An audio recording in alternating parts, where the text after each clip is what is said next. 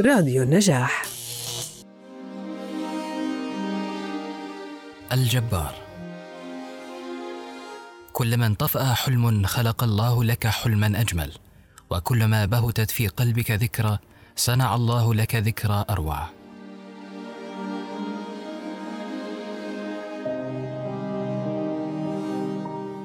الجبار هل هشمتك الظروف وتواطأت ضدك الكروب؟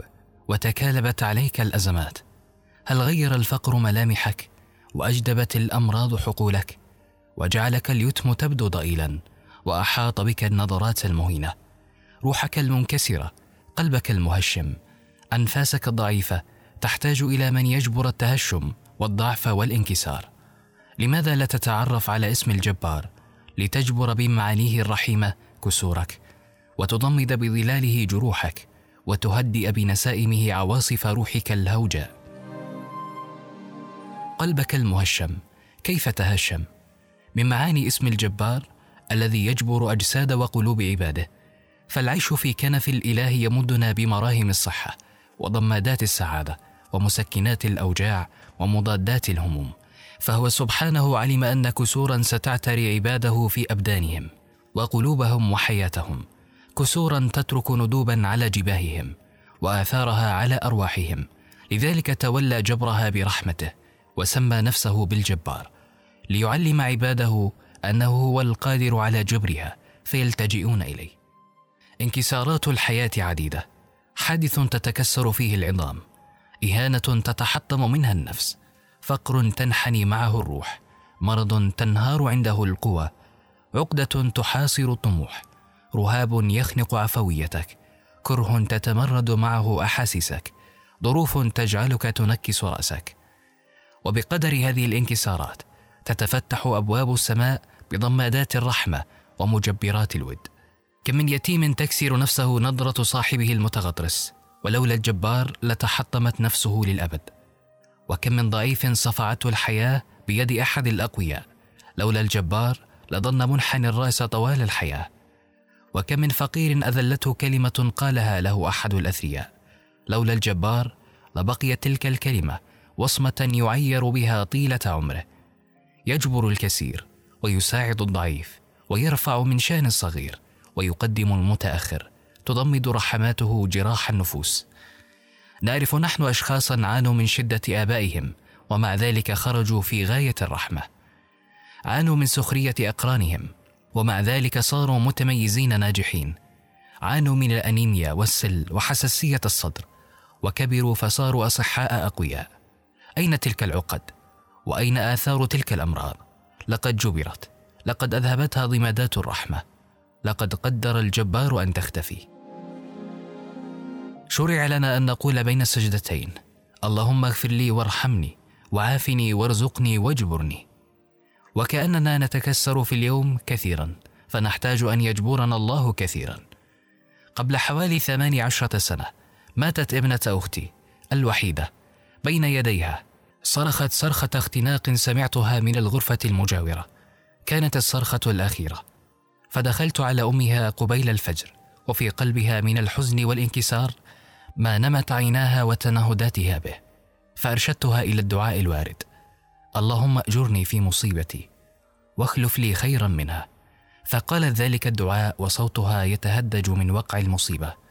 فارتفعت كلماتها المنكسرة إلى من يجبر قلوب عباده فعوضها عن ابنتها اليوم ببنين وبنات. رزقها الله برهم وأفضل عليها وعلينا من عطاءته. إذا التهبت نفسك وإذا احترقت أحلامك إذا تصدع بنيان روحك فقل يا الله. واحلل عقدة من لساني. في العام الفائت التقيت طالبا لديه عقدة في لسانه. لا يكاد ينطق بكلمة دون أن يعيدها عدة مرات. أمسكته ونصحته ألا يسجد سجدة لله إلا ويدعو.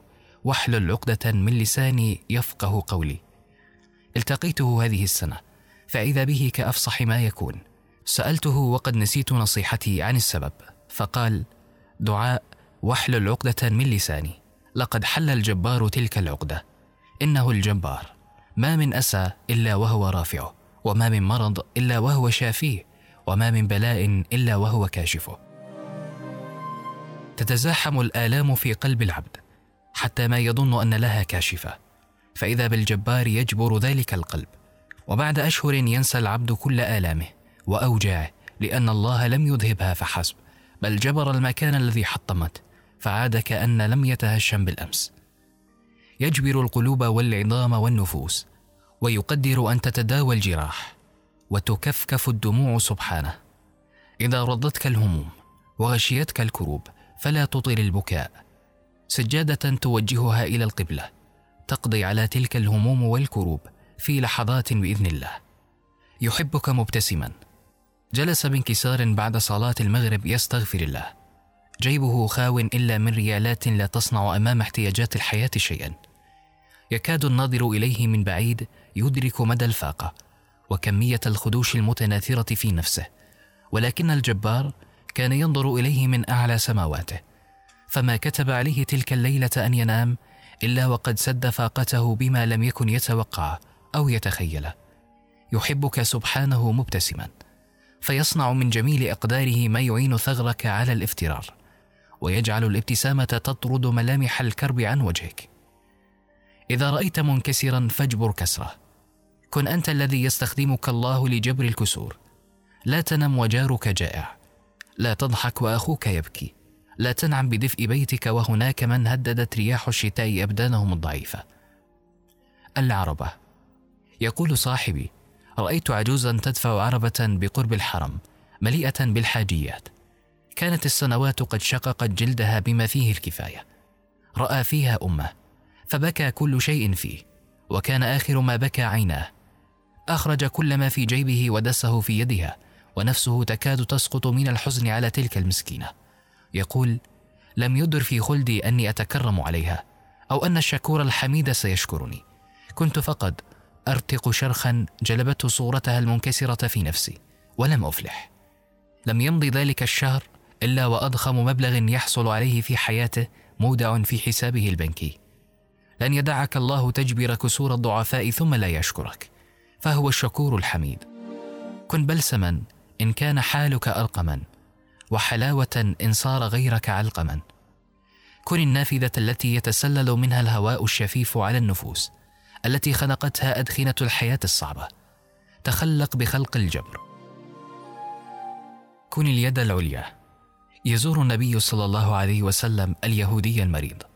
يكنس أبو بكر رضي الله عنه بيت العمياء ويطبخ لها طعاما. يموت عبد الله بن المبارك فيفقد الفقراء تلك الأرزاق التي كانت توضع عند أبوابهم قبيل الفجر. فيعلمون بعد موته أنها منه. يموت أحد خصوم ابن تيمية. فيبشرونه بذلك. فيغضب يذهب مباشرة إلى أهله وأبنائه فيعزيهم ويقول لهم أنا كوالدكم. لا تحتاجون شيئا إلا وأخبرتموني. كانوا منشغلين بالمهمة العظيمة مهمة جبر القلوب المنكسرة. كان الله يستخدمهم لذلك الشرف العظيم. ثلاثة وثمانون. أخبرني صاحبي وقد كان طالبا في جامعة أم القرى انه في طريقه إلى الجامعة لقي معتمرا يسأله عن مركز الشرطة. أخبره صاحبي أنه مستعجل فموعد مادة النقد قد شارف على البدء. والتي كان الأسبوع القادم هو موعد الاختبار الصعب فيها ومع ذلك فقد أركبه ليقربه من وجهته. وفي السيارة أخبره أنه وقبل ثلاثة أيام فقد في الحرم محفظته وجواله وجواز سفره وكل ما يثبت شخصيته. أصبح مجهول الهوية لا يستطيع الأكل ولا المبيت ولا التواصل مع أحد. قال ذلك المعتمر لصاحبي لقد تعبت وعند هذه الكلمة بالذات أجهش بالبكاء. ثلاثة أيام وأنا أتكفف الناس وأنام في الشوارع. كان منكسرا بدرجة كبيرة. يقول صاحبي إنه واساه وذكره بالله وقال له إن الله لم يفقدك هذه الأشياء في الحرم حتى تذل لغيره. فقط أسجد له واطلبه وسوف يحبوك. ثم أعطاه ثلاثة وثمانين ريالا. هي كل ما وجده في جيبه. وأنزله وقد رأى ملامح الابتسامة على ثغره. بعد أسبوعين ظهرت درجة اختبار مادة النقد والذي لم يحل فيه أي فقرة لصعوبته. وقد وطن نفسه على الرسوب فيها لأنه يستحق فيها الصفر. فإذا بها ثلاثا وثمانون درجة من مئة. عدد الريالات التي أعطاها ذلك المعتمر. باتت عدد الدرجات التي نالها في الاختبار بلا زيادة ولا نقصان. نعم أشياء كلما حاولت أن تنكر وجودها ظهرت بشكل أوضح واصرح كلما قررت ألا تسمعها صرخت بصوت أكثر اذهالا وادهاشا. إنه الله يا صاحبي إنه الله. لما استعمله الله في جبر كسر ذلك المعتمر شكره. حجرة الخادم. إذا طرقوا أبواب الملوك فاطرق أنت باب الملك الأعظم. إذا وقفوا بذل بساحة أمير فقف أنت بساحة الإله الأكرم. إذا سافروا من مستشفى إلى مستشفى فقم بالليل وقل يا الله. بيده مفاتيح الفرج. الشفاء له خزينة عظيمة القدر والحجم. أتعلم أين هي تلك الخزينة؟ إنها عند الله وإن من شيء إلا عندنا خزائنه. السعادة كذلك لها خزينة الأمان أيضا والراحة والرضا.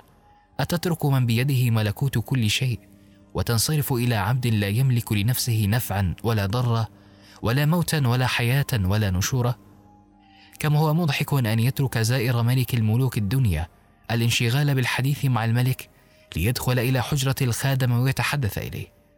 نحن نفعل ما هو أكثر اضحاكا من هذا حين نترك مناجاة ملك الدنيا والآخرة. سبحانه وطلبه ما نريد. ونذهب في رحلة علاجية إلى واشنطن أو إنجلترا. ونعود بعد أشهر معنا الخيبة والخسارة. والكلام ليس عن طلب العلاج فهو مشروع بل عن التعلق بالمخلوق ونسيان الخالق. الحلم والذكرى. عش اياما مع الجبار. مرر معانيه الجليلة على جروحك. اجعلها البلسم لعذابات روحك. أيقظ بها أزاهير الفرح. اصنع بتأملاتك فيها شمس حياة تقضي على الخواء الذي كنت تعيشه. ينزل رسولنا صلى الله عليه وسلم من الطائف محملا بقدر عظيم من الحزن والحرقة والانكسار. بعد أن أدمى السفهاء عقبيه الشريفتين بالحجارة. يراه ملك الملوك. ملك الدنيا والآخرة. يراه حبيبه سبحانه. يرى قلبه المكتظ بالآهات. يرسل جبريل ومعه ملك الجبال لينهي تلك الحرق. يرسله في مهمة خاصة. مهمة تتعلق بدكدكة الجبال الراسية. فينظر ملك الجبال إلى النبي صلى الله عليه وسلم وهو في أحزانه التي جعلته يمشي من الطائف فلا يفيق إلا بقرن الثعالب. فيقول أمرني الله أن أمتثل لأمرك يا محمد. فان شئت أن أطبق عليهم الأخشبين فعلت. إذا أراد الله أن يجبر كسرك أهلك مدينة بأكملها لأجلك. إذا أراد الله أن يجبر كسرك أهلك مدينة بأكملها لأجلك. ولكن محمدا عليه الصلاة والسلام يستأني بهم ويعفو عنهم. عندما لذعت السخرية بصياطها الحارقة قلب نوح نظر إلى السماء ودعا ربه. أني مغلوب فانتصر. ففتح الملك سبحانه أبواب السماء بماء منهمر. أغرق الكرة الأرضية لأجل نوح عليه السلام. هل يستطيع غير الله أن يجبر كسور الروح بمثل هذا؟ بعض الأشخاص يظنون أن من مهماتهم تدميرك السخرية بك إظهارك بحجم صغير جدا أمام رفاقك. ولولا الجبار لطحنتك مكائدهم. يدخلون إلى عينيك ليسرقوا أجمل أحلامك ويتسللون إلى قلبك ليمسحوا أروع ذكرياتك. وكلما انطفأ حلم خلق الله لك حلما أجمل وكلما بهتت في قلبك ذكرى صنع الله لك ذكرى أروع. وقد زود الجبار حياتنا بمجبرات ومضمدات وأدوية. نعلم بعضها ونجهل أكثرها خلقها وأودعها في كونه لأجلك حتى تبتسم وتعيش حياة كريمة. حتى تتفرغ لعبادته. تلتئم جروحنا عندما نتناول الدواء الناجع لها وعندما نأكل الطعام الصحي وعندما نشرب الماء النقي. تصح أرواحنا لما نرى الابتسامة على أوجه الآخرين وحين نشعر بأكفهم تربت على أكتافنا. وعندما نسمع الكلمة الطيبة نتجاوز عقدنا عندما نصادف قلبا ينبض بحبنا ويدا تمتد لمساعدتنا وفنجان قهوة نرتشفه بمعية من نحب. هناك أشياء تلتئم داخلنا عندما ننظر للطبيعة الجميلة ونسمع خرير الماء ونحدق في العصفور وهو يطعم فراخه. الصلاة تردم هوة اليأس في أرواحنا. وسبحان ربي العظيم تخلق فرحا نجد طعمه في ألسنتنا. وسبحان ربي الأعلى تحلق بنا حول العرش. دعوات الوالدة دفء في شتاء الحياة وزيارة الصديق متعة في صخب العيش. وسؤال الجار عنك يلون لوحة نفسك الرمادية. عصير البرتقال يجبرك على الابتسامة. وقطعة الحلوى التذاذ خاص والحمام الدافئ شعور بانحسار الأتعاب. الحياة مليئة بالمجبرات وربنا يريدنا أن نسعد أن نبتسم أن نحيا حياة جميلة. كن ساجدا.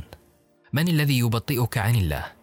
ما الذي يجعلك تتأخر عن الانضمام لركب الأواهين الأوابين؟ الذين يرتلون كلامه في جوف الليل. شكل الجنين في بطن أمه قريب جدا من شكل الساجد لله. فكن في حياتك ساجدا كما كنت في بطن أمك. يكفيك الله رزقك ويجعل أضيق الأماكن اهناها ويحيطك برحمته. كن ساجدا بقلبك وإن رفعت رأسك. قل بنبضاتك سبحان ربي الأعلى. وإن كنت ضاحك الثغر. اهمس بشرايينك يا جابر المنكسرين. اجبر كسري. ثم تأمل في المعجزة وهي تشكل روحك من جديد. اللهم اجبر كسر قلوبنا وكسر أرواحنا وكسر أجسادنا إنك على كل شيء قدير.